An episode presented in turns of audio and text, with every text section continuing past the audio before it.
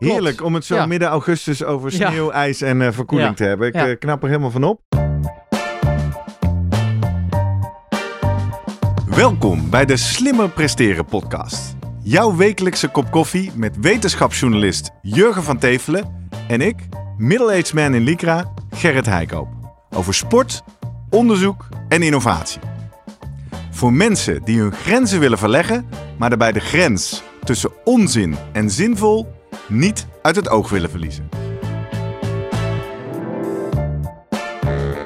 In deze aflevering praat ik met Jurgen over wat is de optimale temperatuur om te sporten? Heb je super getraind en ben je helemaal klaar om een PR te lopen? Laat het weerbericht zien dat het een warme stranddag gaat worden. Moet je je doel aanpassen? En hoe dan? Wat is eigenlijk de optimale temperatuur voor een duurprestatie?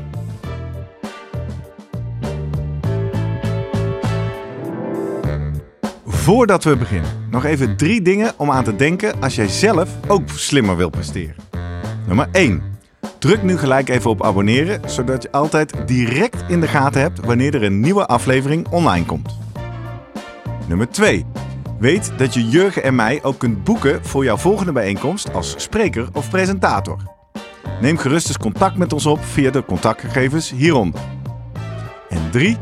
Deze podcast wordt geproduceerd en gesponsord door Live Online Events. Serieus goede content rondom jouw congres of event. Check www.loe.tv voor meer info. Ja, Jurgen, goedemorgen. Hey, goedemorgen. Daar zitten we dan. Ja. Hoe voel je je? Ja, een beetje warm hè? Ja, lekker Ja. van de zomer aan het genieten. Ja, Nog één heerlijk. week en dan gaan we in Renken van start. Ja. Ik hoop dat we weer eh, heel veel eh, vrienden van de show en luisteraars in levende lijven gaan ontmoeten. Ja. We hebben nog geen eigen Slimmer Presteren podcast startserie. Misschien moeten we daar eens over gaan hebben Ja. met, eh nou, met ik heb wel even getwijfeld of ik in een andere serie zou starten dan jij. Want Want ja, kijk. je kan mentaal niet aan om eh, in mijn stof nee, te ik heb het bijten. helemaal losgelaten. Van ik ga gewoon mijn ding doen, jij doet jouw ding. En Ja, verder, eh, Het is geen race. Nee, Nee, dat zeiden we vorig jaar ook al. voor mij in ieder geval niet. Ik weet niet hoe jij er weer in zit. Maar Nee, ik wil, eh, ik wil eh, gewoon zo goed mogelijke Ja. prestatie leveren wel. Maar ja, het is natuurlijk een parcours wat zich niet echt leent om tijden te vergelijken. Ja. Nou ja, hooguit ten opzichte van vorig jaar. Ja. Eh, dus iedereen die nu luistert en denkt... hey, ik ga ook volgende week in Renkum starten. Luister vooral even terug naar onze nabeschouwing van eh Renkum. Dat, eh, de cross triathlon in Renkum hebben we het over. Mooie, mooie aflevering. Het Ja. lijkt me een leuke voorpret. vorig jaar was het ook wel lekker warm hè? Het was goed warm, Ja. maar niet te. Eh, niet te, nee. nou, ligt er maar aan van, Ja, ja, dat. Daar gaan we in deze optimale temperatuur, Gerrit. Hoe Daar gaan we het nou eh, deze week eens even over hebben. Ik vond dit, toen deze op de agenda kwam, in eerste instantie een beetje een lastige. Hij staat op de agenda omdat je hebt een mooi stuk geschreven voor Topsport Topics. Ja. Eh, een platform voor topsporters waarin eh, een bepaald onderwerp helemaal wordt. Eigenlijk voor coaches met name, ja. Aha, ja. Dus eh, En daar ben je het, de diepte ingegaan op het onderwerp temperatuur. Het Ja. effect van temperatuur op sporten. En mijn eerste reactie was natuurlijk, ja, maar ja, Jurgen, daar kan ik niks aan veranderen. Toch? Nee. Het is niet dat ik kan zeggen, ik ga mijn training of mijn wedstrijd Nee, maar daarom schrijf ik het voor coaches. En wat die, die sturen hun atleten de weg op, wielrenners bijvoorbeeld. Ja. Met het idee van je gaat nu dit trainingsschema volgen, eh, deze vermogenstrappen, dit. eh, en eh, ja, daar moeten ze eigenlijk rekening mee houden met dat er prestatieverlies kan optreden als die temperatuur hoog of laag is. Precies. En in die zin denken we dat het interessant is voor al onze luisteraars. Ja. Namelijk, word je maar eens wat meer bewust van het effect van temperatuur Ja. op jouw prestatie, zowel naar beneden als naar boven. En dus geldt ook voor eh, als je geen coach hebt, maar gewoon een eh, internetschema volgt. Of Ja. een ander soort schema. En denkt, hé, hey, ik moet vandaag eh, dit en dit leveren. En het lukt niet. Ja, eh, dat zou eh, te maken kunnen hebben ja. met temperatuur. We daar hebben moet een soort correctiefactor misschien op toegepast. En eh, hoe dan precies? Hoe, wat is de invloed daarop? Ik denk Ja. dat het goed is om daar eh, bij stil te staan vandaag. Dus Ja. we gaan uitzoeken wat is het effect van temperatuur op sportprestatie. Ja. We hebben natuurlijk ooit al een aflevering gemaakt over sporten in de hitte. Klopt. Dus ook aan alle nieuwe luisteraars, ga die vooral eens uitzoeken. Ik zeg uit mijn hoofd seizoen 2 of zelfs seizoen 1. Heb jij nog bij de hand? Eh, Oh ja, Ja, aflevering 19 al. 19, Dat is ja. eh, way, way, way back. Eh, maar nog altijd relevant. We proberen onze aflevering zo tijdloos mogelijk te maken. Ehm, en we gaan op het einde ook dan maar eens even valideren op on- of onze huisvriend, sportarts en topcoach Guido Vroemen ook specifieke aanpassingen aan zijn wedstrijd- of trainingsschema's geeft. ik weet het antwoord al. Het antwoord is ja. Ah. Dus laten we hem maar eens dan vragen hoe hij dat Ja. precies toepast. Maar eerst maar beginnen bij het begin. Eh, het effect van temperatuur, kou en warmte. Ja. Eh, hoe onderzoek je dat? Waar moeten we rekening mee houden? Waar begint dit verhaal? Ja, begin, iedereen weet natuurlijk als het heel warm is buiten, je gaat zweten, Ja. sowieso.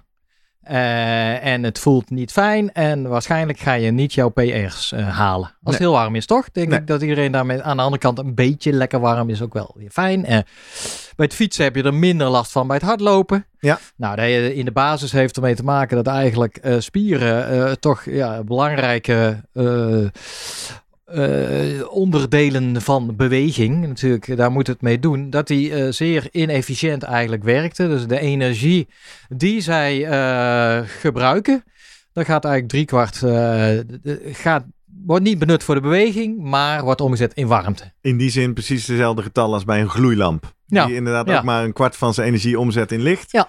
En de rest in warmte.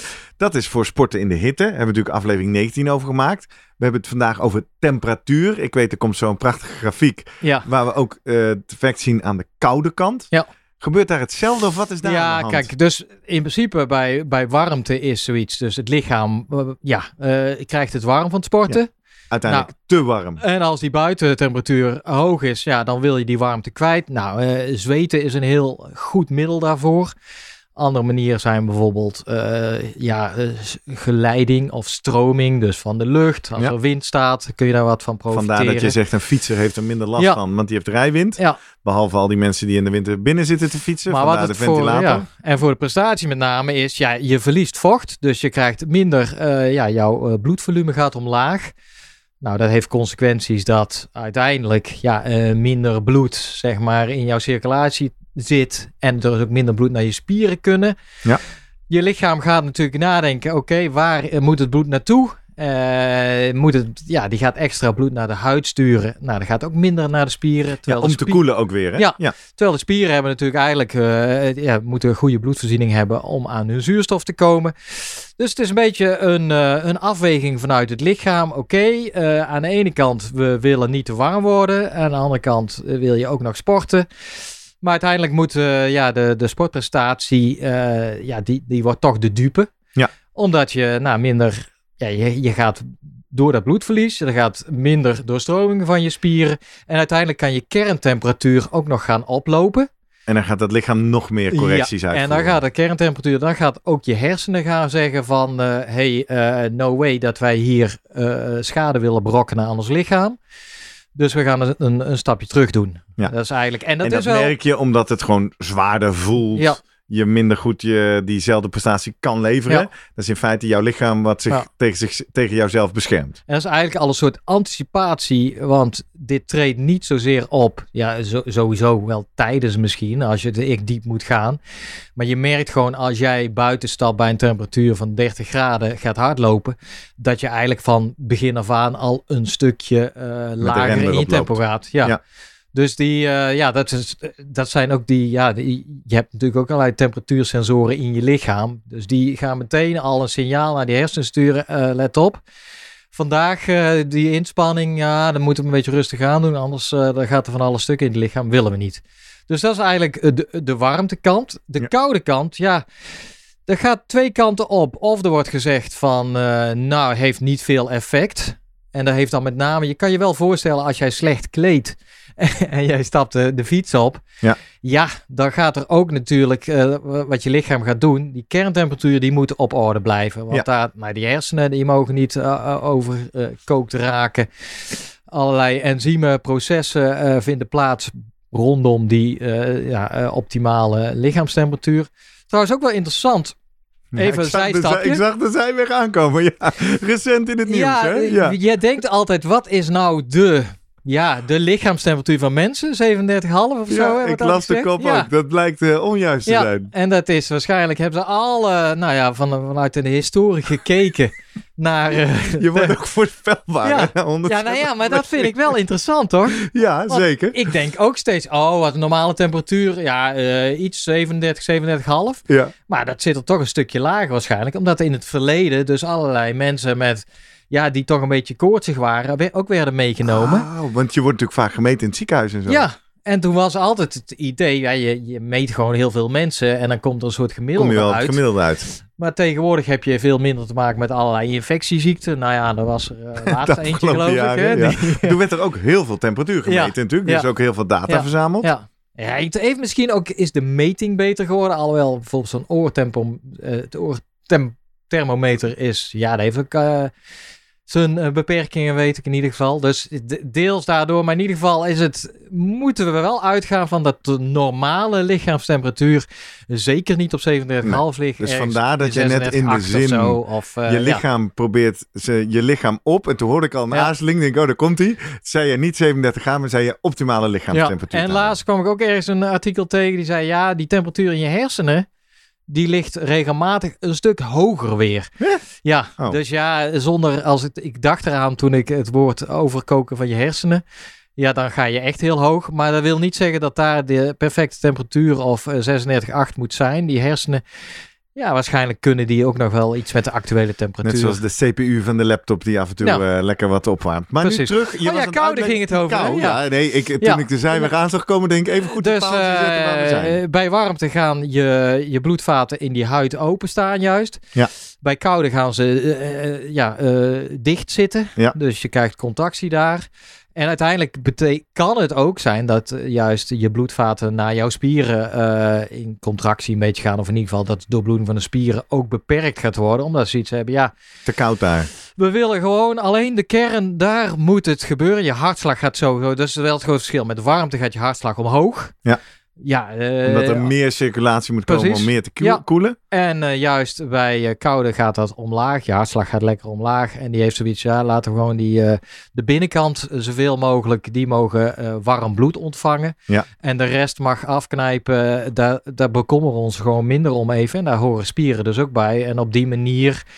En hart, inderdaad, wat je zegt, als de hartfrequentie ook al iets omlaag, dat hartslag, ja, kan je ook voorstellen dat tijdens inspanning het lastiger wordt om dat maximale bereik te gaan benutten. Ja. Aan de andere kant, eh, ja, wie gaat er nou sporten in zijn, eh, in zijn hempie bij eh 5 graden? Of, Ja, oké. En het, het is er niet helemaal het seizoen voor. Het is Ja. midden augustus. Maar er zijn natuurlijk wel wintersporters. Ja. Die in, in hè, schaatsers die hard gaan. Ja. langlaufers. En je kan je wel goed kleden, maar uiteindelijk heb je toch altijd te maken met, met vingers, tenen en, en neuzen Ja. binnen die, die koud worden. Ja. Dus ik denk dat de algemene tendens is wel als je bij extreme lage temperaturen ja, mensen bijvoorbeeld in een klimaatkamer op een fiets zet, eh, vergelijkt met hoe zij presteren bij 20 graden qua vermogens dan bijvoorbeeld. Ja, dat, dat, dat, dat de prestatie dan ook minder is eh, Ja. in koude. nou, Alleen gaan de we- vraag is, ja, dat zijn vaak labstudies altijd geweest. Ah ja.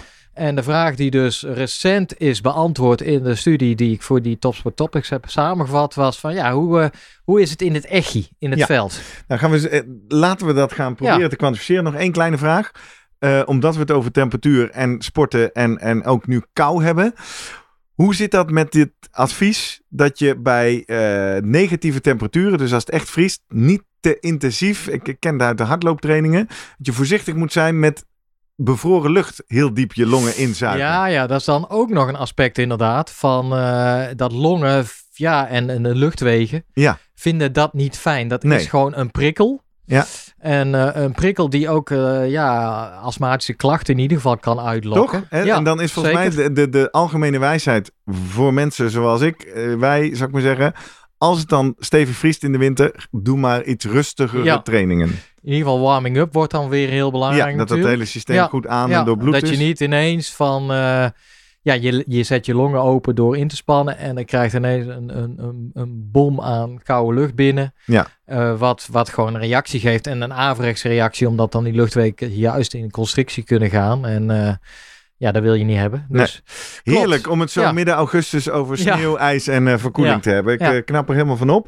Laten we maar eens naar die eh, studie gaan kijken. Ja, dat is het voordeel natuurlijk van vermogensmeter. Je kan er van alles over zeggen of het nuttig of zinvol is voor recreanten. Ja. In ieder geval voor, voor profwielrenners, coaches en, de, en onderzoekers is het, is het zeer handig. Wij, want zij krijgen een bulk aan data binnen van topwielrenners. Eh, tijdens trainingen, tijdens wedstrijden. En dan laat daar dan maar een analyse op los. In dit geval van uh, ja, uh, hoe gedraagt zich eigenlijk die vermogens tijdens... Ten opzichte van temperatuur. Ten opzichte van temperatuur. En dan is het mooie dat bij een vermogensmeter zit schijnbaar ook een, een, tem een thermometer zit daarin. Een temperatuursensor, ja. ja, ja. Dus dan krijg je die twee samen. Nou, dan ga je goed kijken. Dan laat je wat modelletje of wat computermodellen op los. Ja. Misschien wat AI. En dan, voor je het weet, dan rollen die data eruit. Ze hebben acht jaar lang gekeken. Wielrenners die gaan natuurlijk onder verschillende temperaturen de weg op. En dan met name gekeken naar de maximale vermogens die gereden worden bij verschillende uh, tijdseenheden. Ja. In sprintjes, 5 seconden, 30 seconden. Of een langere tijd, middellang 5 minuten en 30, uh, 30 minuten of 20 minuten was het in dit geval. Ja. Nou, en dat, Weet je toevallig, is dit race data of trainingsdata? Allebei. Oké. Ja. En uh, met het idee wel van dat mensen al uh, ja, toch maximaal hun best doen. En misschien hebben ze juist ook gekeken wanneer worden maximale uh, vermogens bereikt. zolang die trainingen lekker veel intervaltrainingen in zich hebben, dan zit dat wel goed, denk ik. Ja. Um, en, Dit is wel een vraag die ik alleen maar kan stellen omdat ik nu een aantal maanden Ja. met een vermogensmeter train. Hè? Omdat me dat dan altijd tegenvalt. Iedere training geeft ook zo'n grafiekje van Ja. je 5 seconden, je 30 Ja. seconden, je minutenwaarde. En die valt soms best wel tegen. Maar Ja. denk ik, ja, maar dat heb ik ook helemaal niet Nee, gedaan precies. vandaag. Ja. Zat helemaal niet in de training. ja, dat is die uh, geëikte vermogensprofiel. Hè? Ja, Inderdaad, ja dan moet je wel op zoek Ja. gaan naar die waardes. Ja. Nou ja, kijk, het feit, die krijgen natuurlijk elke dag een, eh denk ik, die krijgen van elke dag data. Ja. En die kunnen daaruit wel filteren van, oh, dit was een duurtraining, dus Precies. daar, is niet daar zit geen relevant. eh, zinvolle data in. Nee. En eh, nou, wat zij zien is gewoon eigenlijk, ik heb het voor de ik kijkers zeggen, thuis, is dit het moment dat we naar het Ja. scherm gaan kijken? Ja, er staan voor de kijkers op YouTube en voor de luisteraars in podcastspelers. Je kan dus ons ook vinden op YouTube. Zoek even op mijn naam, Gerrit Heikoop op YouTube. Vind je alle afleveringen. We hebben vier grafieken in beeld. Ja. Wat zien we? En in elke We beginnen even bij de basis. Hè? Wat Ja. is verticale as, wat is horizontale as? Ja, horizontaal is temperatuur. Aha, ja. en verticaal loopt is op. dan eh, de power output, de, het vermogen wat geleverd wordt per kilogram lichaamsgewicht. Exact. En de vier grafieken zijn die 5 seconden grafiek, de 30 seconden grafiek rechtsboven, linksonder de, wat is het? De 5 vijf minuten minuten En, en de 20. 20 minuten. Ja. En dan is het natuurlijk, dan kijk je even snel van, hey, we hebben twee lijnen in beeld. Ja. We hebben de mannen versus de vrouwen. Ah. Precies. En de mannen eh, trappen stevast eh, toch eh 10 à 15 procent hogere vermogens. Ja, dat is de zwarte doorgetrokken lijn. En dan kijk je nog even, hé, hey, maar bij de 5 seconden, ja, dan halen die mannen toch al 18 eh, watt per kilo, hè, zo'n beetje maximaal. Ja, En bij eh 20 minuten zitten ze op 6, 6,5. Ja, ja, nou, dat is ook een beetje wat jij natuurlijk altijd te zien krijgt. Je vermogensprofiel ja, ja. neemt af eh, eh, bij hoe langer de inspanning is. En eigenlijk, als ik snel naar deze grafieken kijk, Ja. zien we hier precies wat je verwacht. Namelijk een, eh, ja, wat zullen we zeggen, een uur op zijn kop, Ja. eh, de bovenkant van een kaal hoofd. Ja. Oftewel, in de middelste temperatuurzones tussen de 11 en de eh, 25 graden ligt een soort van plateau, ligt Ja. het vlak. En aan de randen, zowel heel koud als heel heet, zie je de, de, de punten naar beneden buigen. Klopt. Dus dat is inderdaad de optimale temperatuur. Zo heb ik dat ook maar samengevat. En toen zei dat ook. Het ligt tussen de 10 en de 25 graden. Ja. De, de, en lees de temperatuur. Intuïtief, logisch. temperatuur waarop de maximale vermogens geleverd kunnen worden. Ja. ergens wel. Ik, maar ik, vind wel verrassend bijvoorbeeld dat de sprint Ja. ook. Al, ik zou zeggen, een sprinten kun je altijd wel. Ja, ongeacht de temperatuur. Ja. Aan de andere kant, we weten van sprinters. Ja, die moeten heel lang eh, doen die aan een warming-up werken. Hè? ja, Want ja, die ja, ja, willen precies. echt, eh, precies. Echt, voor hun is het essentieel dat die spieren meteen al op temperatuur zijn. Eh, eh, bloed een beetje opgejaagd, eh, spieren goed doorbloed. Dus die doen ontzettend hun best om echt opgewarmd aan de start te verschijnen. Ja. Doe me denken aan, wel leuk, las ik in de Volkskrant, Arno Kamminga. Onze Zwemmer, schoolslagspecialist. toch? Ja, Wilde ik zeggen, ja. 100 meter schoolslag, 200 meter. En die had een heel eh, apart opwarmritueel. Die ging namelijk niet zwemmen van tevoren. Oh. Die eh, trok een motorpak aan. Ja. En eh, met warmte-elementen daarin. En daar deed hij volgens mij nog zijn trainingspak overheen. En dan zette hij van tevoren die warmte-elementen wel eens aan. Omdat hij zichzelf echt wel een beetje wilde ja, echt opwarmen. Tot, ja, best, tot, tot aan zwetens toe. Ja.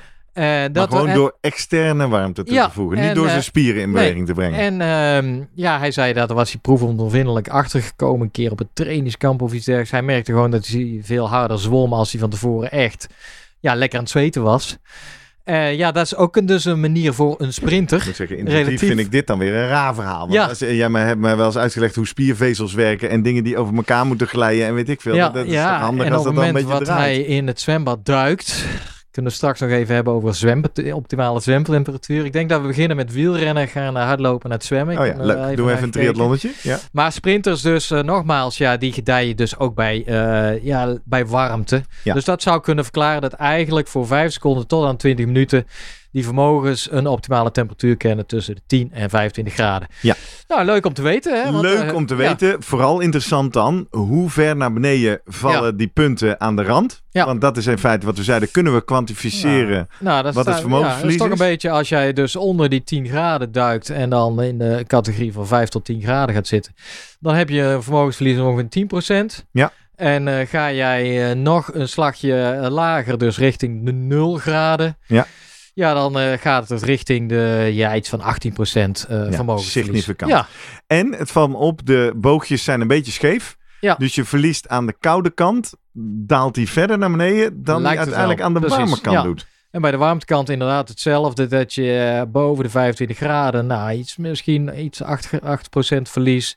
En uiteindelijk als jij boven die 30 graden gaat zitten, nou dan ga je ook richting de 15% Ja. vermogensverlies. Ja. Hey, en nou zijn er twee lijnen. Een stippellijn voor de dames en Ja. een zwarte lijn voor de heren. Ja. Zijn er nog opvallende verschillen tussen heren en dames? Volgens mij je- niet hè, op dan de moet eerste je- oogopslag. Dan moet je naar die sterretjes kijken en dan zou je misschien kunnen zeggen dat, maar d- durven die uitspraak uit uiteindelijk niet. Dat, dat, de vrouwen hebben het iets moeilijker bij koudere temperaturen.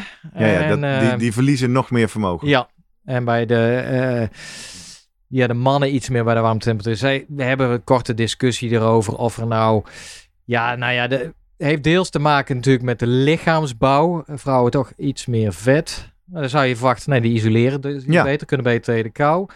Kortom, zij komen er ook niet uit. Ehm, heeft dan ook te maken natuurlijk met hoeveel zweetklieren iedereen, eh, mensen hebben. En daarbij het, eh, eigenlijk je oppervlakte ten opzichte van je lichaamsvolume. Ja. Maar kijk, zij durven uiteindelijk, zeggen ze nou, grof, grofweg heeft elke wielrenner gewoon te maken met eh, ja, een vermogensprestatieverlies onder de 10 graden en boven de 25. Kijk, wat ook belangrijk is, is de, hier, je weet niet hoe de mensen zich gekleed hebben. Dus Nee. je zou kunnen zeggen, ja, die vrouwen, ja, die hebben zich gewoon onvoldoende gekleed op de koude misschien. Ja, maar dit vind ik eng verklaring. worden. Want ik, eh, nu begin ik toch nieuwsgierig. Hoeveel mensen zaten in deze studie? Eh, paar honderd. Ik wou Echt zeggen, want veel. dan kunnen dit soort kleine Nee. individuele verschillen zouden er uitgemiddeld Ja, moeten worden. Toch? Uiteindelijk wel, ja, klopt. Dus je gaat hieruit, dit zijn topwielrenners, hoogste niveau. Die weten heus wel hoe ze zich moet kleden bij kou en ook hoe ze zich moet kleden bij warmte. Ja. Kortom, die hebben, ja, daar, daar moeten eigenlijk dat niet er doorheen spelen. En dan pak, kijk je puur van wat doen, puur de temperatuur op eh, omgevingstemperatuur op dat prestatieverlies. En belangrijkste les, begint bij zo'n 10%. In de eerste bandbreedte wordt gauw meer bij kou en bij warmte valt het mee. En dat Ja. zal dan door die rijwind komen, gok ik dan. Hè? Je koelt beter op een fiets. Ja, wa- waarschijnlijk. Eh, ja, daar, dan is de volgende stap snel gemaakt. We gaan het hardlopen. Ja. Nou, en dat is ook wel. eh, nou, dit is een ander soort studie. We hebben een nieuwe grafiek op het beeld. En, eh, maar dan gaan we een stapje terug. Want de slimme eh, luisteraar. Ja, van de Slimme Presteren podcast. Ja, die zal zeggen: ja, maar temperatuur zegt toch niet alles. Want luchtvochtigheid. Ja, eh, het hangt een beetje af. want dat is een belangrijke factor om te bepalen hoeveel zweet Ja. er afgevoerd kan Ja, worden. je weet zelf van als bij vochtige lucht ja, loopt het niet zo fijn en Nee. fietst het niet zo fijn als, eh, als bij droge lucht. Ja, dus we zien de in deze wind grafiek... inderdaad. En eh, de andere factor is natuurlijk de zonnestraling. Het, ja, je, het kan 25 graden buiten zijn en, in de en er is geen zon. Ja, ja, ja. Of de zon schijnt uitbundig, allebei 25 graden. Ja, wat vind jij? Andere waar heb je meer last van? Ja. ja. Dus, Nou ja, eh, zij zijn dan, eh, in deze studie hebben zij, vond ik wel heel netjes gedaan. Want zij hebben 1250 hardloopwedstrijden bekeken. hardloopwedstrijden. Ja. Dus nog veel meer proefpersonen, of in ieder geval veel meer Ja. data van proefpersonen. En dan de uitslag van die hardloopwedstrijden. En dan ging het om afstanden van de steeplechase tot aan de marathon hardlopen. En ze hebben het snelwandelen ook nog meegenomen. Ja. En ze keken naar de, de toprenners en ook uh, de, de, de, beste tiende en Ja. de beste 100 en de beste 300. Ja. En daar AI op losgelaten. En dan is gekeken, want in principe wordt voor elke wedstrijd eh, wel bijgehouden. A, was de buitentemperatuur, ook de luchtvochtigheid en ook eh, de hoeveelheid zonnestraling Ja. en de windsnelheid. Ja. Je hebt overal een meetstation in de buurt. Eh, en die factoren hebben zij meegenomen. En de manier waarop namelijk bij in ieder geval hardloopwedstrijden, eigenlijk sportwedstrijden, gekeken wordt van hey, ligt er gevaar op de loer? Ehm, dat is de befaamde WBGT, ja. eh, de Wet Bulb Global Temperature. De wet bulb global ja, temperature. dat is eigenlijk de natte bol eh globe temperatuur. Ja. Ja, en dan moet je, ja, de natte bol, dat is een andere manier om temperatuur te meten. Dat is ja, door een, eh, ja, toch een soort thermometer met een, ja, een, een vochtig kousje eromheen. Ja. Zoals ik het goed begrijp. Ja. Want ja, dat is gewoon, als jij vochtig bent aan het, aan het hardlopen, ja, dan is jouw sensatie van de temperatuur ook anders dan dat jij eh, niet Zeker. vochtig bent. Hè? Ja. En de luchtvochtigheid, dus waar we het over hadden. Het andere is die globe temperatuur. Ja. Dat is eigenlijk, eh, wordt ook wel de zwarte bol temperatuur gemeten. En dat is eigenlijk de, in hoeverre je last hebt of van die zonnestraling. Dus je kan je voorstellen, ja, en Ja. dus, nou ja. En Dus je bent nu aan het uitleggen een alternatieve methode om, om, Ja. om hitte te bepalen. Of Precies. temperatuur te bepalen. Ja. En dat is omdat je bij, bij, hardloopwedstrijden vaak tegenkomt... hey, de wedstrijd gaat niet door misschien... want de WBGT is te hoog. En dan nemen ze die En dan nemen ze dus mee. al die factoren Ja. mee in plaats van alleen maar temperatuur. En dan denk je die WBGT... eh, want dan wordt er misschien wel een, een WBGT van pak een beet 25 geschetst. Ja, maar 25... Hallo, dat is toch helemaal niet zo hoog. Nee. Maar dat komt omdat die WBGT vaak lager uitvalt dan de buitentemperatuur. Fascinerend. Dit kun je in een grafiek zetten. Ja. We gaan terug naar de grafiek. En dat hebben zij gedaan. En dan hebben ze ook nog onderscheid gemaakt Horizontale as staat die wet bulb global temperature. en dat is dan weer, Ja. ja. en weer een schaal van min 5 Ja. naar 35. En rechts hebben ze dan dat de, de, luchttemperatuur. ja. Zelfde schaal, ook van min 5 tot aan 35. Ja, klopt. Ja. En op de verticale as zien we een percentage performanceverlies, prestatieverlies. Want wat zij gedaan hebben, echt slim zijn. Die. AI zijn echt een slim. mooie, mooie studie. Die kijkt gewoon naar per jaar Ja. eigenlijk van de wereldbeste tijd. Ja. En die kijkt dan ook bij, die, eh, bij de renners die niet zo goed zijn van waar hebben jullie nog meer gelopen dat jaar? Ja, Eh, of de, de 300ste in een bepaalde race. En dan op die manier kun je erachter komen, hey, in welke periode van het jaar liep jij het beste? Ah. En dat wordt dan per jaar dus eigenlijk bekeken, oké, wat is de maar op... liep jij het beste? Dus dat, Ja, die je als atleet. 300ste of de winnaar van een bepaalde Ja, ja, die marathon. pikken ze er dan uit Ja. om die wedstrijden met elkaar En te kunnen welke vergelijken. temperatuur Hoorde of daarbij? eh, temperatuur erbij en welke tijd. Ja. Nou, en dan als je genoeg data daarvan hebt, dan kun je op een gegeven moment wel zeggen, hey, de, de, de beste tijd van dat jaar wordt gelopen bij die en die temperatuur, die en die luchtvochtigheid, eh, die en die zonnestraling. En op die manier kom jij erachter wat eigenlijk de optimale WBGT uiteindelijk is. Want ze hebben dit vanaf 1936 al gemeten. Hè? Wat? Ja, 19, daar zijn... Echt heel ja, veel data. Ja, echt enorm veel. Nou, laten we maar eens naar die grafieken Ja. kijken. Er Nou, zien dan allemaal kleuren. De Eh, rode grafiek, laten we, want dat is marathon. de marathon, die vinden wij interessant. Ja, vind ik interessant. En dan zie je al dat, eh, ja, laten we... Ik ga even beschrijven voor onze luisteraars hoe die rode loopt. Dus in die linker grafiek, prestatieverlies bij de min 5. Wetbult Globe zit eh, rond iets meer dan 3%.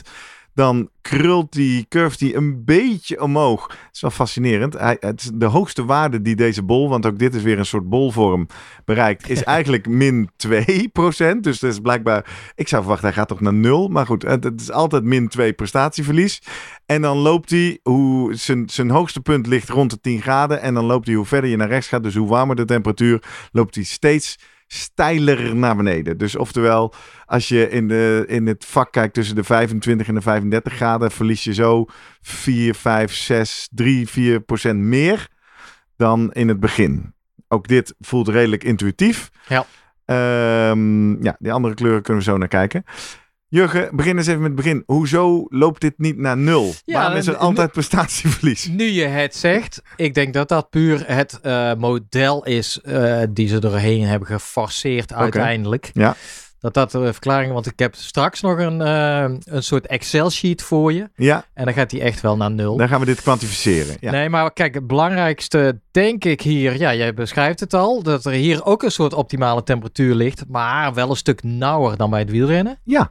En, eh, Want dus- even in herinnering, daar hadden we tussen de 10 en de Ja, 25 graden. Een bandbreedte klopt. van 15 graden. En eh, in, in dit geval, eh, voor de marathon is die vrij smal. Maar eerst maar eens even, want die, die andere grafieken zijn dan toch ook wel Ja, we interessant. zien meer nemen. kleuren. De groene grafiek is een 50 kilometer, dat is dan snel Dat is wandelen. snel wandelen, ja. Ja, en dan zien we de gele grafiek, dat is 20 kilometer, ook snel wandelen. En dan hebben we nog in het zwart de 10 kilometer race en in het blauw de 5000 Ja. meter.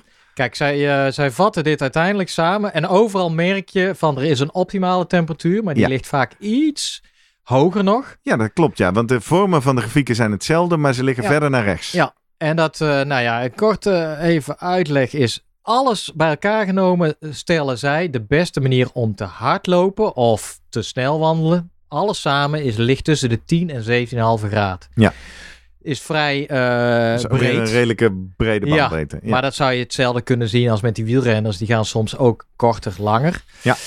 Maar ga je dan onderscheid maken tussen verschillende afstanden, dan zie je dat de 5 kilometer, ja, die ligt een stukje eh, hoger, hè? Een Ja, beetje is de blauwe lijn. 15, 17 graden, 7,5. Klopt. Ja.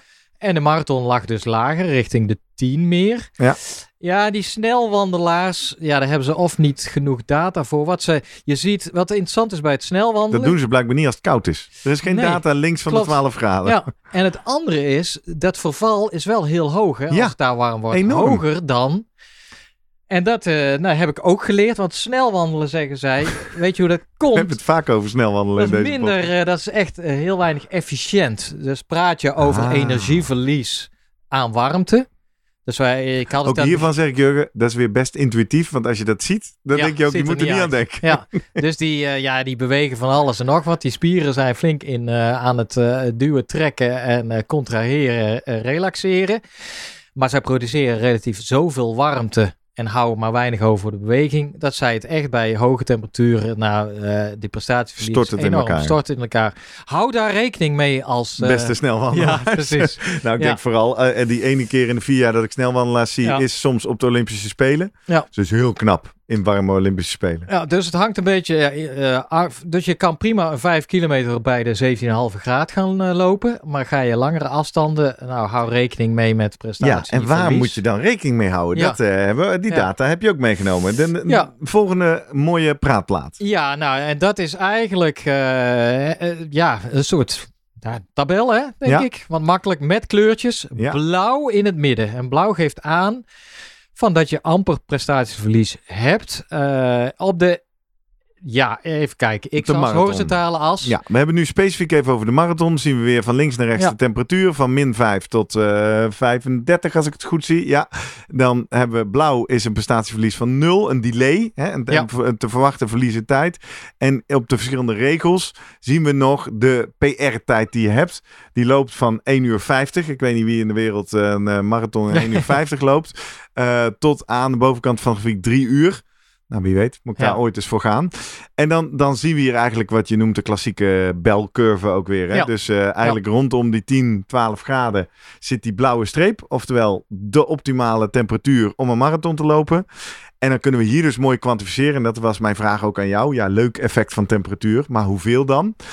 En dan kunnen we dus zien dat hoe verder naar links, hoe verder naar rechts... worden de kleuren van geel naar oranje naar donkerrood.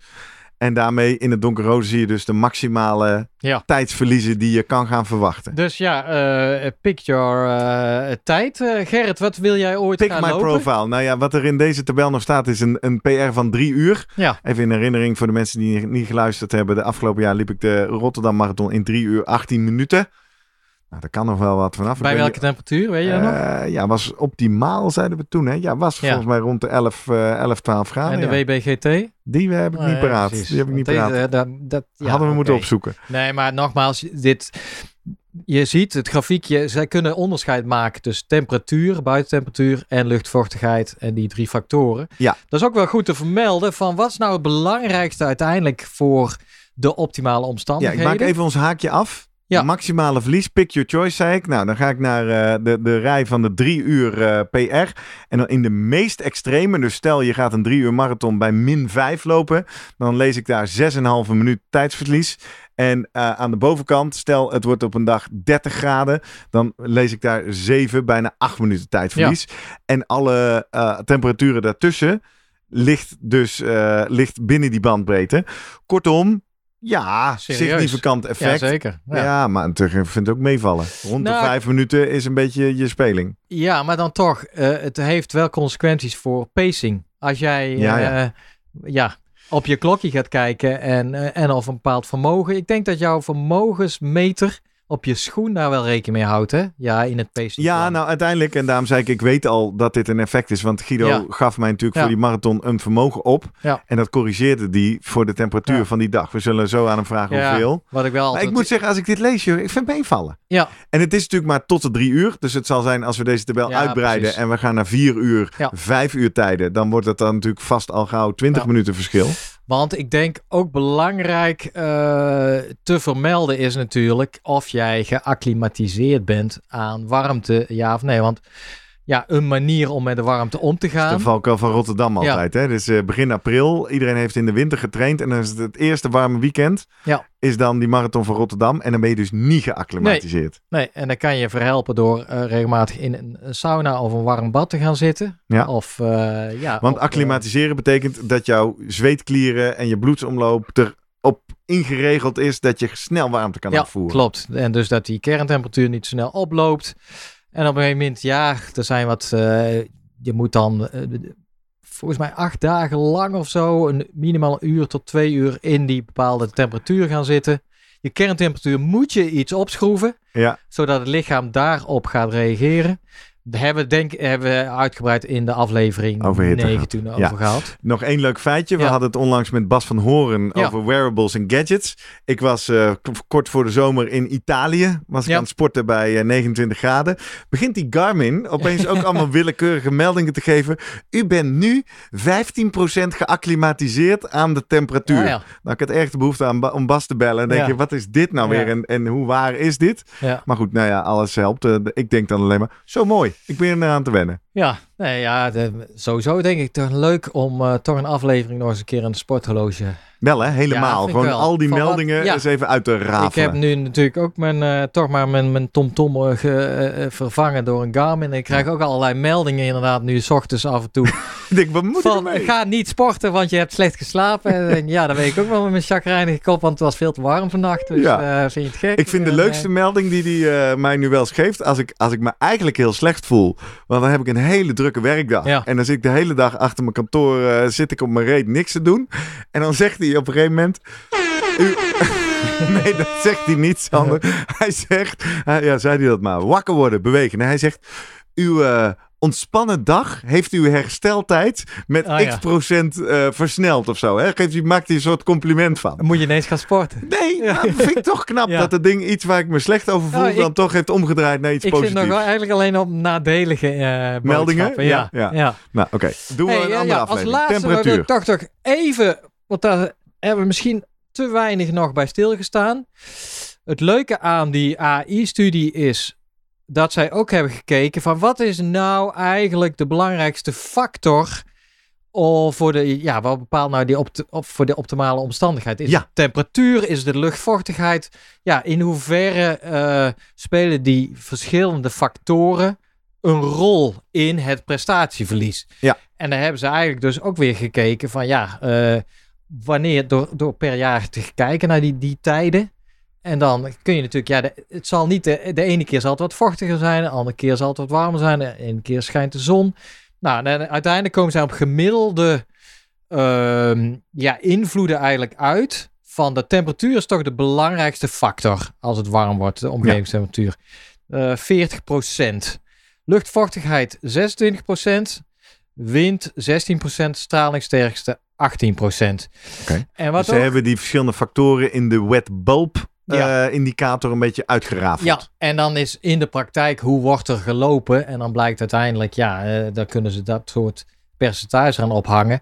Wat ook wel interessant was, eh, of goed te weten, de helft van alle wedstrijden die zij geanalyseerd hebben, en dus atletiekwedstrijden of ja, loopjes tot dan marathons, snelwandel, steeplechase, die vindt plaats in wat zij noemen een neutrale omstandigheden. Volgens, want je hebt de richtlijnen van de Atletiekunie bijvoorbeeld, of de Mhm. Wereld Atletiekbond. Wanneer je gewoon, wanneer het veilig is om te sporten. En nog steeds 25% in te koude omstandigheden, 25% in 25% in te warme omstandigheden. Dus jij, jij zit natuurlijk meer in de wedstrijden, maar je kan volgens mij altijd wel. ehm, nou ja, het protocol is natuurlijk voor de organisatie om te, vanuit die WBGT-waarde beslissingen te nemen uiteindelijk. En Moeten we eh, ijsbaden na afloop neerzetten? Eh, moeten we extra drankposten inrichten? Wanneer laten we Ja, doorgaan? ijsbaden om mensen snel te Ja, koelen. Niet ja. zozeer om het herstel Nee, te bevorderen. Nee.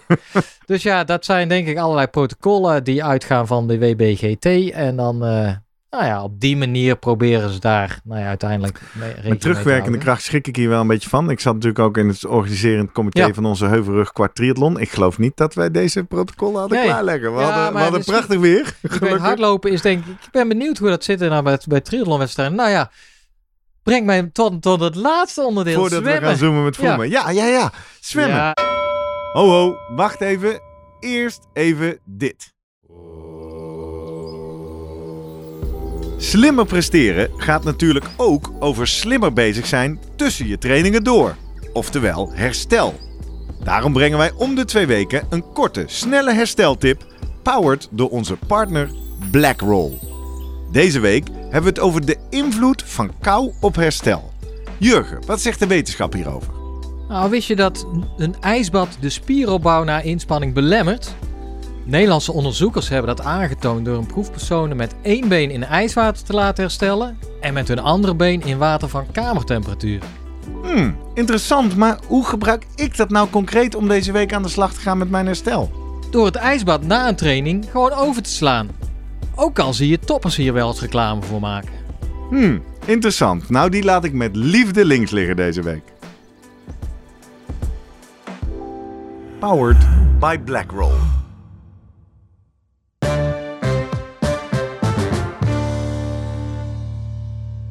Ik had gehoopt Wat is het van, effect van eh, watertemperatuur op de Ik zwemprestatie? heb hem niet gevonden op deze manier, zeg maar. Dat zij, eh, idealiter heb je natuurlijk een zwembad waarbij je eh, die, die je laat opstoken, pak een beet van, van 10 tot 25 of 30 graden. Ja, ja, en dan iedere keer zwemtijden Ja, meten. ja. Ja. dat zou de ideale studie zijn. Is dus niet gebeurd, dus je moet het een beetje doen met...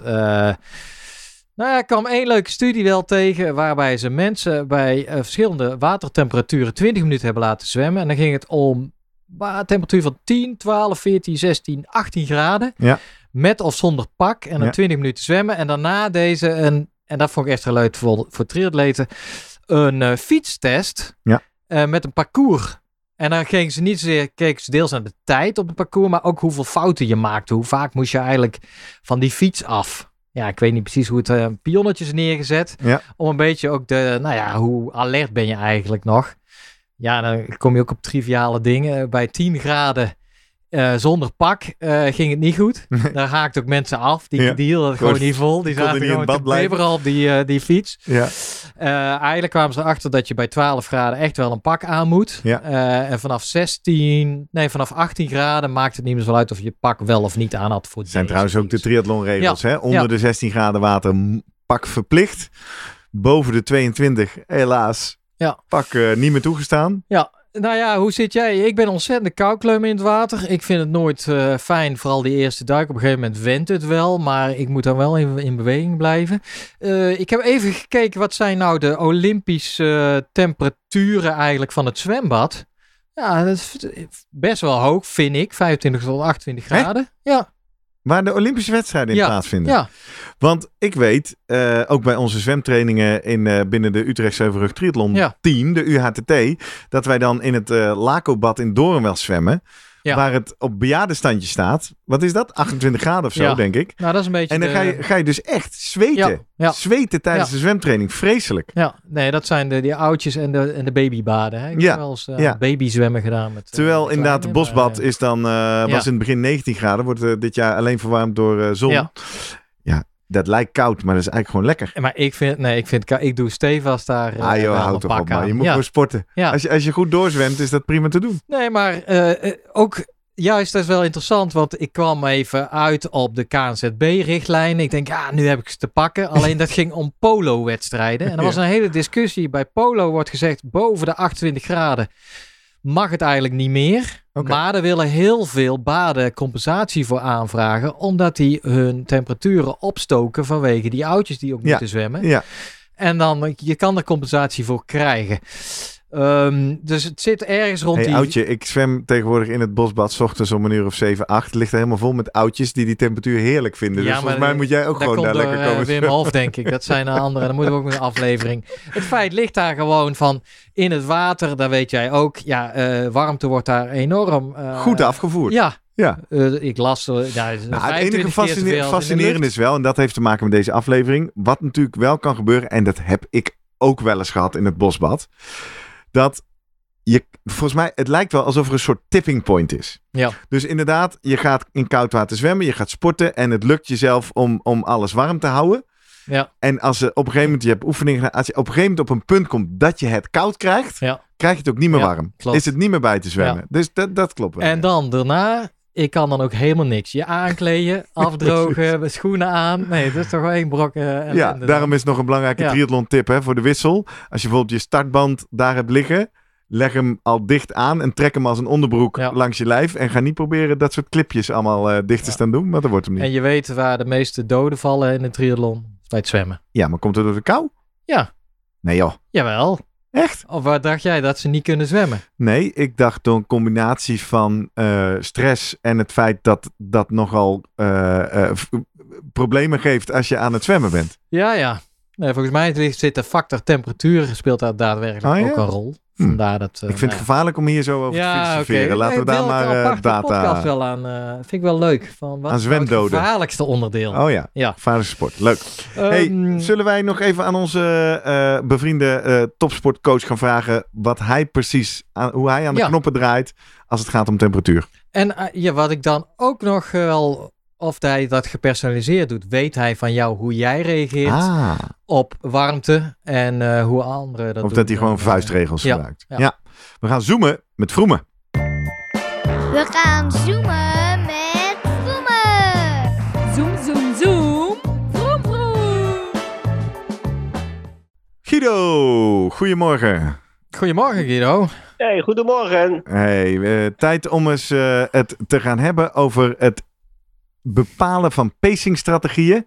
Op het moment dat er PR's gelopen moeten worden. En het bepalen van eh, eh, trainingsschema's. Als het Ja. ofwel heel heet, ofwel heel koud gaat worden. Ja. Eh, het effect van temperatuur. Of eigenlijk heb jij bij je huis een, meet jij de WBGT. dus niet zomaar de buitentemperatuur, maar de befaamde Wet bulb. wet bulb globe Of temperature. Ja, Nou, dan bel ik Hein Dane. Oké. En Die weet dat allemaal. En die hoog- meet al, hè, Soesterberg, die meet dat allemaal. Ja. Dus dan, eh, dan weet ik, heb ik de, de beste informatie. Oké, dat is ook eh, wel eh, ja, zeer betrouwbaar. Ja, Dat, die heeft een hele goede app daarvoor gemaakt. En eh, daar, kun je, ja, daar kun je dus heel veel goede informatie uithalen. Is dat Wacht een open, even, is- ja, ik wou zeggen, is openbare app of niet? Of heb jij die alleen? eh, Die heb ik alleen. Oké. Ah, Dat mag niemand anders gebruiken. Nee, dat is niet waar. Vertel. Ik moet even, ik moet even eh, zoeken. Je moet hem even Klim app opzoeken. heet die volgens mij. En Klim is C-L-I-M, dus van Climate. Ja. Ah ja. En dan gewoon app, want ik dacht dat die het was. Ja. Maar gewoon achter elkaar C-L-I-M-A-P-P. Oh, oké. En dan zie je daar dus de, de wet bulb globe temperatuur Ja, op een dus bepaalde nog- plek. Dus staat toch veel meer. Als ik hem. Ik ga hem even voor het cameraatje houden. Dan zie Ja. je een beetje met een eh, kleuren van, eh, van blauw koud naar rood heel warm. ja. En ook heeft dit te maken een beetje met ehm, werk eh, kun je bepaalde werkzaamheden doen. Ehm, welke kleding heb je daarvoor nodig? Hoeveel warmteproductie doe je, heb je daarbij? Hoe moet je koelen? Ah ja, handig. Je wil zeggen, het is Heel veel breder simpel. dan alleen voor sporters. Dat is ook Ja. voor mensen die in eh, fysieke werkzaamheden zitten of buiten werken. Ja. Ehm, en nu is dan dus mooi, dus vet, Dus leuk. die better, You Ja. heard it here Ja. first. Dus dan hebben we nog betere informatie over de, de wet bulb globe temperature. En nu is de vraag, wat gaan we met die informatie doen, Guido? Eh, Met name rondom sporten. Ik heb jou met jou aangegeven, rondom de marathon heb jij wat gedaan met mijn pacingsvermogen op basis van de weersverwachting. Ik wil ook eens even mijn breaking eh, 20 op de 5 en breaking 40 eh, op de 10 met jou gaan inzetten. Ja, eh, hoe bepalen we nou welke dag we dat gaan doen? Of wanneer zeggen we nou, we breken af, want het is niet haalbaar. Ja, die wet globe temperature is heel belangrijk eigenlijk daarbij. Het is iets anders, dat heb eh, waarschijnlijk wel uitgelegd, dan gewoon de temperatuur. Ja. Mhm. Het is een combinatie van luchtvochtigheid, temperatuur, wind. En daar heb je een andere schaal in. Nou ja, als je, in, als je op die schaal in een zone komt waarbij je eigenlijk, nou ja, risico op hyperthermie, oververhitting, Ja. dan kun je maar beter je ehm, recordpoging op een andere dag gaan plannen. Ja, hè? Zo, zo, rigide is het eigenlijk wel. Ja, tenzij je 100 meter sprint gaat doen, want Ja. Ja. daar heb je niet zoveel risico erop. Want dan is gewoon lekker, de luchtdicht, luchtdichtheid is lekker eh, eh, eh, laag. Dus dan kun je makkelijk door de lucht heen knallen. Ja. Maar 5 kilometer of 10 kilometer, ja, maar dat zijn afstanden. Dat gaat op een hele hoge intensiteit en is nog wel zo lang dat je daar echt heel erg warm door kunt worden. Ja. En Dus dat is niet af- zinvol. Afbreken is één scenario. Eh, wat is wat jou betreft een, een, een, Is dat een harde waarde of is het een schaal? Hoe, hoe, hoe bepalen we dat? Ja, dan ga je toch met percentages. eh, stel dat het 30, eh, tot gewoon de, de temperatuur 30 graden of, of hoger is en de luchtvochtigheid 80% of hoger is. Dat is een vrij drukkende dag dan. Dan weet je, als ik dan mijn normale waardes die ik eigenlijk, waar ik bij getraind heb tussen de 15 en 20 graden met luchtvochtigheid 60, 70 procent. Als ik die ga aanhouden, dan ga ik niet, dan ga ik niet eh, niet vasthouden. Dan, nee, moet ik, dan moet ik echt 5, misschien wel 10 procent lager gaan zitten. Om dan een reële inschatting eh, te maken van wat je de, eh, bij die temperaturen nog kunt. Ja.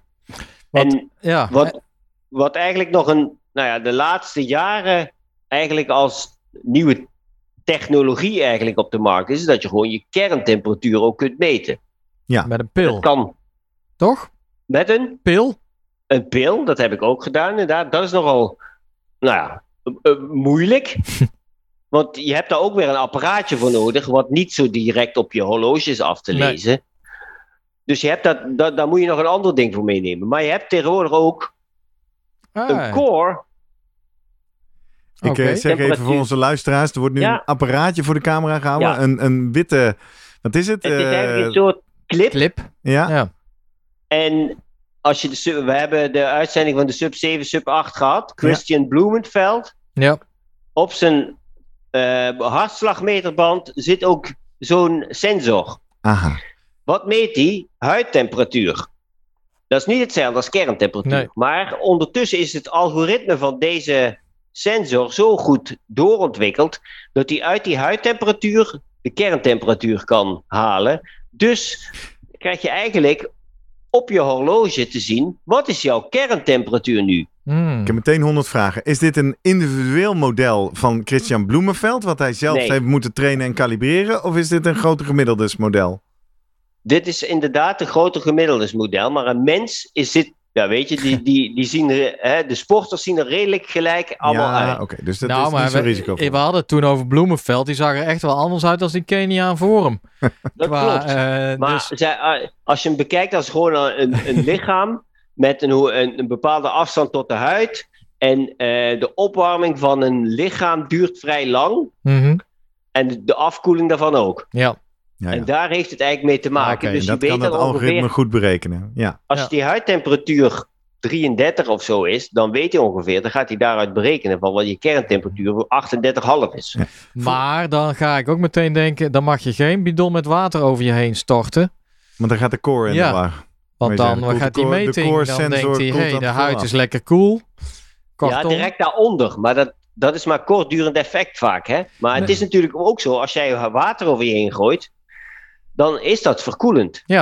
Dus dat klopt En wel. dan werkt dat. Ah, en dan zal je kerntemperatuur daardoor ook Ja, minder snel Ja. oplopen. is hij daar ook, daar corrigeert hij voor. Hè? Hij is zo Ja. goed dat hij eigenlijk eh, Ik heb hem die een paar keer geprobeerd al. Ja. Ik moet echt heel erg mijn best doen Ja. om echt wel boven de 39 uit te komen. Hey, en nu eh, de hamvraag. Oké, dan heb ik een nieuwe sensor met een nieuwe meetwaarde real-time Ja. op mijn pols. Ja, Maar de echte vraag is, wat doe ik daarmee in Ja, mijn dan moet je dus- sportprestatie? daar moet je dus mee gaan trainen en, en jezelf leren kennen van hoe snel loopt mijn kerntemperatuur bij bepaalde st- omstandigheden op. Ja. Hè? Dus als het warm is en je gaat een, een lange training bijvoorbeeld, je, gaat, je hebt een, een duurloop van eh, meer dan een uur en je hebt dat ding om, dan zie je op een gegeven moment dat je, nou achteraf kun je dus je hele temperatuurcurve uitlezen. Ja. Hoe hoog is die dan gekomen? En als jij, waarvan we weten, hè, als je 41 graden kerntemperatuur hebt, dan gaat het echt niet goed met je komen. Nee. Nee. Dat is super gevaarlijk. 40 graden of daarboven, dat is nog niet direct heel gevaarlijk. Maar dat gaat er wel al. eh, ehm, dat gaat wel een gevolg hebben voor je prestatievermogen. Want dan gaat je prestatievermogen echt wel terug. Ja.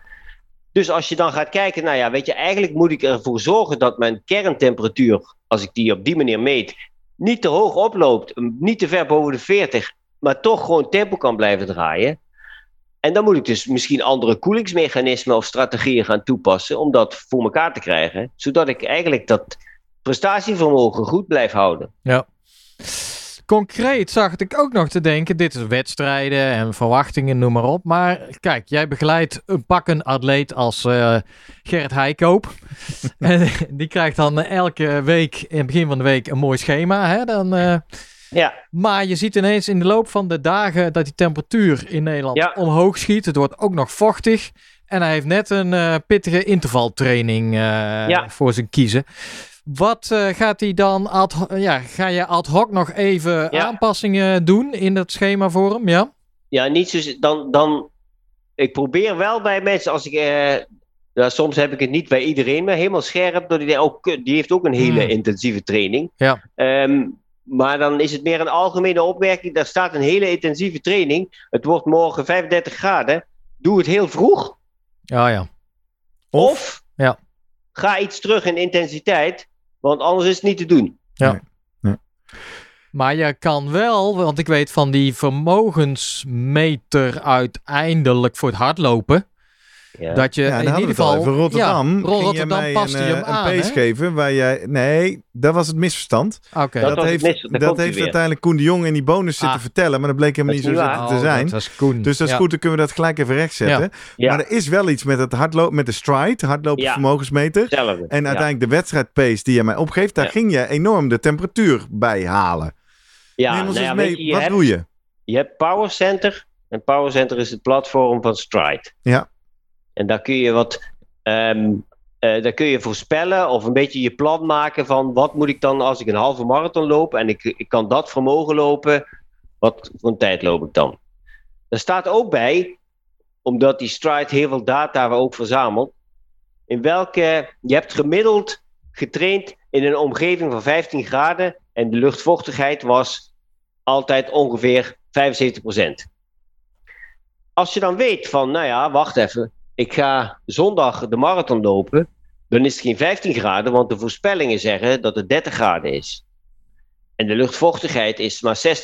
Als je die dan invult, dan gaat het model zeggen, met deze omstandigheden kun je maar beter het vermogen wat gaan aanpassen, want dat is veel belastender en dat ga je niet volhouden met die vermogens die je getraind hebt bij die 15 graden en 75%. Ah, dus zij- dat is een rekenmodel. Ah, Oké. exact. Dus zij, zij doen waar deze aflevering over gaat.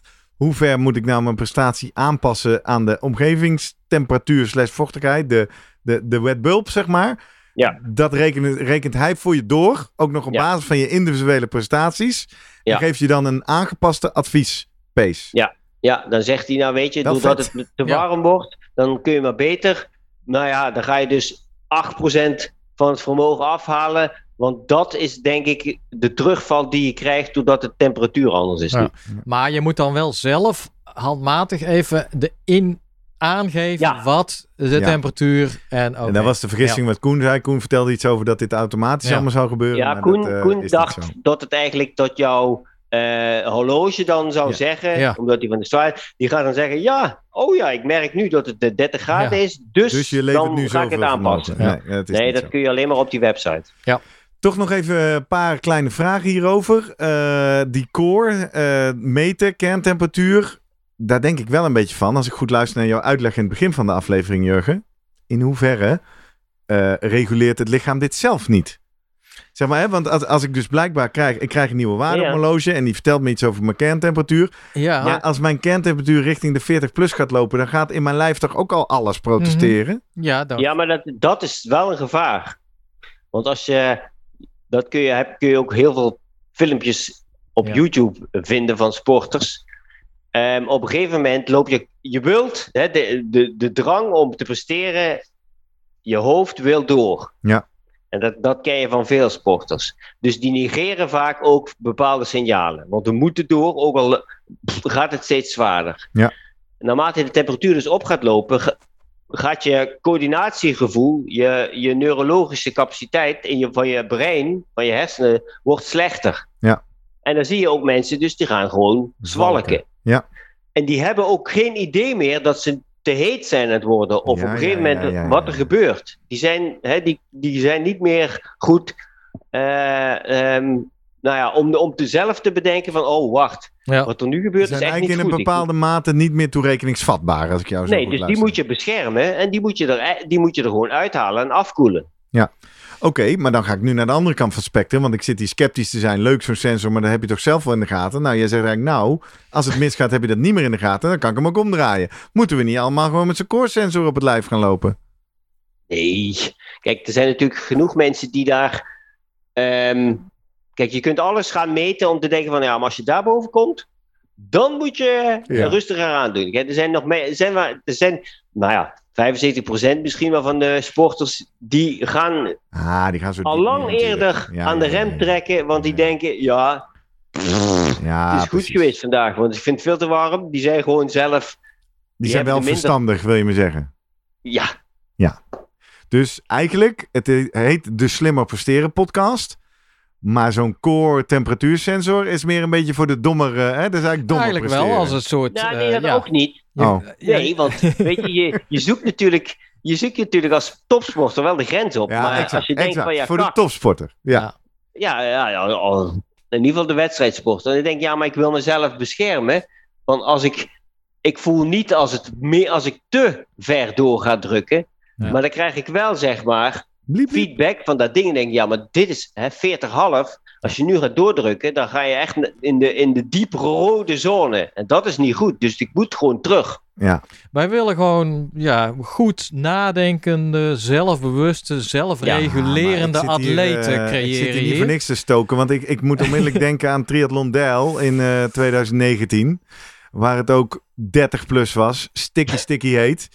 En eh, ik kan helemaal onderschrijven wat jij zegt, toch Guido? Want ik denk dat eigenlijk het al, al drie keer had ik het idee, dit moeten we niet meer doen. Ja, ja. Maar dat doen we wel. Ja. Ja, En je gaat toch ja, van waterpostje naar waterpostje. En het wereldje Ja. wordt steeds kleiner. En je gaat dan maar gewoon hop, naar die finish toe. Ja. Ik weet wel, eh, en met nog een eindsprintje ook, dat ik daar toen op een gegeven moment, daar kom je zo'n speeltuin in. En daar stonden gelukkig eh, koude waterstralen te draaien.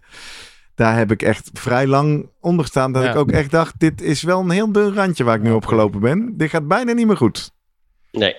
Nee, Maar, weet je, ja. en hitte, oververhitting, hyperthermie, wat ik al zei, is heel gevaarlijk. Ja. Ja. Weet je, onderkoeling is, is, is ook niet fijn. En het kan ook leiden ondertussen natuurlijk op een gegeven moment tot, tot eh, de dood. Prestatieverlies. Oh ja, zelfs tot de dood. Ja. Nou ja, weet je, dat is het fataal. Maar als je, vijf, als je echt onderkoeld bent door wedstrijden, dan presteer je ook niet meer. Dan heb je het alleen maar koud en dan zit je te rillen. Maar dat is, heeft niet zo direct een heel erg groot gevaar. Als je oververhit raakt en je door, boven een bepaalde kerntemperatuur komt, dat geeft denaturatie van eiwitten. En dat is gewoon een eitje bakken in de pan. Als je dat afkoelt, dat wordt niet weer een dooier. Ja. Nee. Dat is, weet je, dat, Mooie en dat is- metafoor. Ja, Ja. ja nou, maar dat, zo, dat, dat gaat niet meer terug dan. Als je eiwitten stuk maakt door ze te verhitten, te hoog, dan is het stuk. Ja. Dus dan heb je gewoon schade. ja, ja. Ja, ik vind het toch, en ik blijf dit een, een fascinerend, maar ook moeilijk onderwerp vinden over wat het advies nou is. Hè? Want, want, want we hebben een hele aflevering gemaakt over sport Ja. in de hitte. We kunnen, wij- wij, en je wijst terecht nu weer op het gevaar hoor. En, en zeker als eh, gasten als mijzelf en nog jongere gasten met veel testosteron die ervoor gaan, die door alle signalen heen lopen. We kennen natuurlijk, denk ik allemaal, dat, dat fameuze filmpje, wat is het, Sembla? Van die gozer, eh, jonge gast, die bij een, een dag dat het maar 2, 23 graden was, Ja, eh, zichzelf ook een hitteberoerte inloopt. Maar ik denk dan heel erg, ik ben wel zoekend van ja, wa- wat maar is ik nou vind het advies? toch anekdotes deels van die er weer uit belicht worden door de media. Natuurlijk dat Gabrielle Andersen, eh 1984 Los Ja. Angeles, die, die Ja. Zwitsers, die zwalkend over de race. En in dit geval, ja, de- en dan, ja, zij is later, eh, heb ik nog een keer een gesprek met haar. En zij zei dezelfde avond was Gezien, ze hè, nog denk prima. ik, is een woord Gezien, wat je ja. teruglaat. En zij zei, ja, ik wilde zo graag die finish halen. Ja, dat is dus die balans tussen motivatie van Ja. door willen gaan. Ik denk dat bij 99%, ja, je had het van de mensen, ligt, de, ja, de, dat die op een gegeven moment zeggen, ja, eh, stik er maar in. Ik, ik ga niet, ik ben Ik klaar kan niet mee. meer. Ik kan niet meer. En dat, maar het is net die 1% van die Ja. atleten die op deze manier in staat zijn om. Het wordt altijd vergeleken met hoe lang kan jij je vinger in, een, in, een, in, in de vlam houden. Hè? Ja. Een soort die inhibitie eigenlijk van tegen het protesteren van je lichaam. Ja, dan zijn wat onderscheidt de toppers echt van de, ja, de, de recreanten, niet toppers, is de mensen die kunnen dat, die, die protesteren, die signalen, ja, Ja. toch langer Ja. die vinger in die vlam houden. Ja, en die, Ja. die, ja, die zie je dan. En juist ja, die ene jongen, ja, het kan gebeuren. En, maar dat is juist ook het misverstand volgens mij dat het vaker gebeurt juist op de 5 of 10 kilometer. Want dan ga je echt zo'n hard tempo eh, zwengel je aan. Daarmee eh, ja, creëer je als lichaam zoveel warmte. Ja. Dat je daarmee inderdaad sneller tot dat kookpunt kan komen. Als eigenlijk bij een marathon, wat je toch een relatief lage tempo. Ja. Ik, ben mee, ja, ik zou toch nog zeggen, ja, je moet dat leren. Hè? Leren luisteren naar je lichaam. Daar hebben we het ook vaak genoeg over gehad.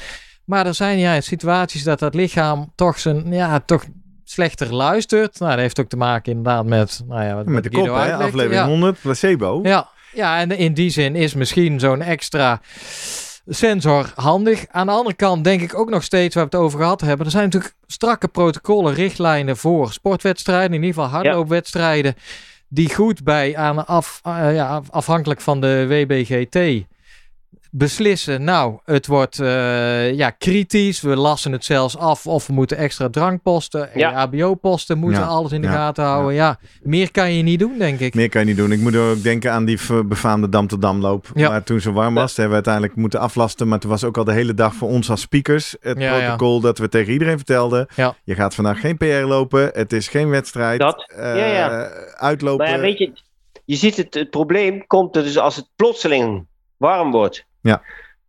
Als mensen een acclimatisatieperiode hebben gehad, hè, stel dat het al een, een week of twee weken al een tijd warm is, dan, is dan, dan wen je daar al aan. Dan kun je er al beter mee omgaan. Dat is niet voor niks dat ik sporters daarvoor heb getraind als ze een wedstrijd hebben in een land waar het gewoon heel warm is. Mhm. Ja. Hè, ke- hè, Jetse, toen hij naar Tokio moest, hebben we ook een warmte-acclimatisatieperiode gedaan. Al daar ter plaatse, toch, denk ik? Of doe je ook Nee, iets zo hier. in Nederland? In Nederland, in, die, Ja. in die klimaatkamer. Ja, Elke dag precies. een uur trainen in die klimaatkamer om te wennen. Maar het, ja, het is een goed punt wel wat je noemt. Want er was zoveel kritiek bijvoorbeeld op Tokio. Ik lees ook, ik las een artikel laatst die zei... Nou, over va- 50 jaar, waar kunnen we nog de Olympische Spelen met... eh, Gewoon ja, dat de global warming, Ja. of het zo heet. Nee, maar dat is denk ik ook met, met eh, de wedstrijdkalender. Ja, in, eh, in, in warme landen hebben ze altijd die hardloopraces heel vroeg. Nou, Ja. Dat gaat het, ja. Ja. dat, dat zul je Of hier ook wel zien. Of s'na- s'nachts, ja. Ja, In ieder dat, geval een stuk minder overlast voor het verkeer. ja Huh? wie weet. Mooi. Dankjewel Guido. Eh, nog Ja. eh, uitsmijters voor eh, sporten in temperatuur, hoog of laag? Of denk je dat we hem goed gecoverd hebben? Nou, weet je, als het, als het buiten te warm is, ehm, eh, hou het gewoon rustig. En Dat, eh, doe, een, doe een petje op, eh, stop dat in het water en eh, koel jezelf goed af. En het belangrijkste gewoon, we gaan geen PR lopen die dag. Nee. Precies. Ga jij zaterdag je PR fietsen nog in eh, Renkum? Ja, dat wel. Oké. Dat is volgende week pas, hè? Ja, ja precies. Jij gaat, eh, ongeacht de temperatuur, toch? Want ja, jij Ja, doet toch ja, alleen dat het fietsonderdeel. Dus, eh, hè? Ik, ik temperatuursensor op Ja, en kijk. ik hou hem in de gaten en ik gas Ja. erop. Het is verboden, hè? In Renkum zijn dat soort dingen, gadgets verboden. Wist je niet? Oh, je mag daar geen... Oh, maar dat zie je niet. Het zit Geen- onder mijn shirtje. Geen Ja. Onder mijn shirtje kijken ze niet. Ah, Oké, Ja, nou. ja, nou, we krijgen er wel zin in als Ja. we het zo over hebben. Heel leuk. goed. Hey, eh, ik eh, ga nog eens iedereen uitnodigen om met ons mee te praten. Dat kan op een aantal manieren. Via de social media op @slimmerpodcast. Nee, niet op. Wij zijn de @slimmerpodcast op Twitter en Instagram. Vind je van iedere aflevering een eigen post. Die kan je retweeten, hartjes geven of op reageren. Of je kan ons natuurlijk een DM'tje sturen. Je kan ook ons vinden op onze website www.slimmerpodcast.nl. Vind je van iedere aflevering zijn eigen pagina. Daar kun je ook eh, reacties onderschrijven, zodat ook alle andere luisteraars die op die pagina komen dat kunnen lezen. Met jouw aanvullingen, met jouw ideeën, met je kritische feedback. Eh, of je kan eh, ons mailen via post.slimmerpodcast.nl. Dat kan ook met al je vragen, met je suggesties of eh, met eh, praktische aanmoedigingen voor eh, de cross triathlon in Renkum volgende week bijvoorbeeld. Of eh, als je deze aflevering later terugluistert om te vragen hoe het was. Eh, nee, daar kun je dan beter gewoon even terug gaan kijken op onze social media kanalen. Slimmerpodcast. Mooi. Jurgen, dankjewel. Guido, dankjewel. Tot volgende week. Tot volgende week. Succes, hè. Dank je. Yo, hoi hoi.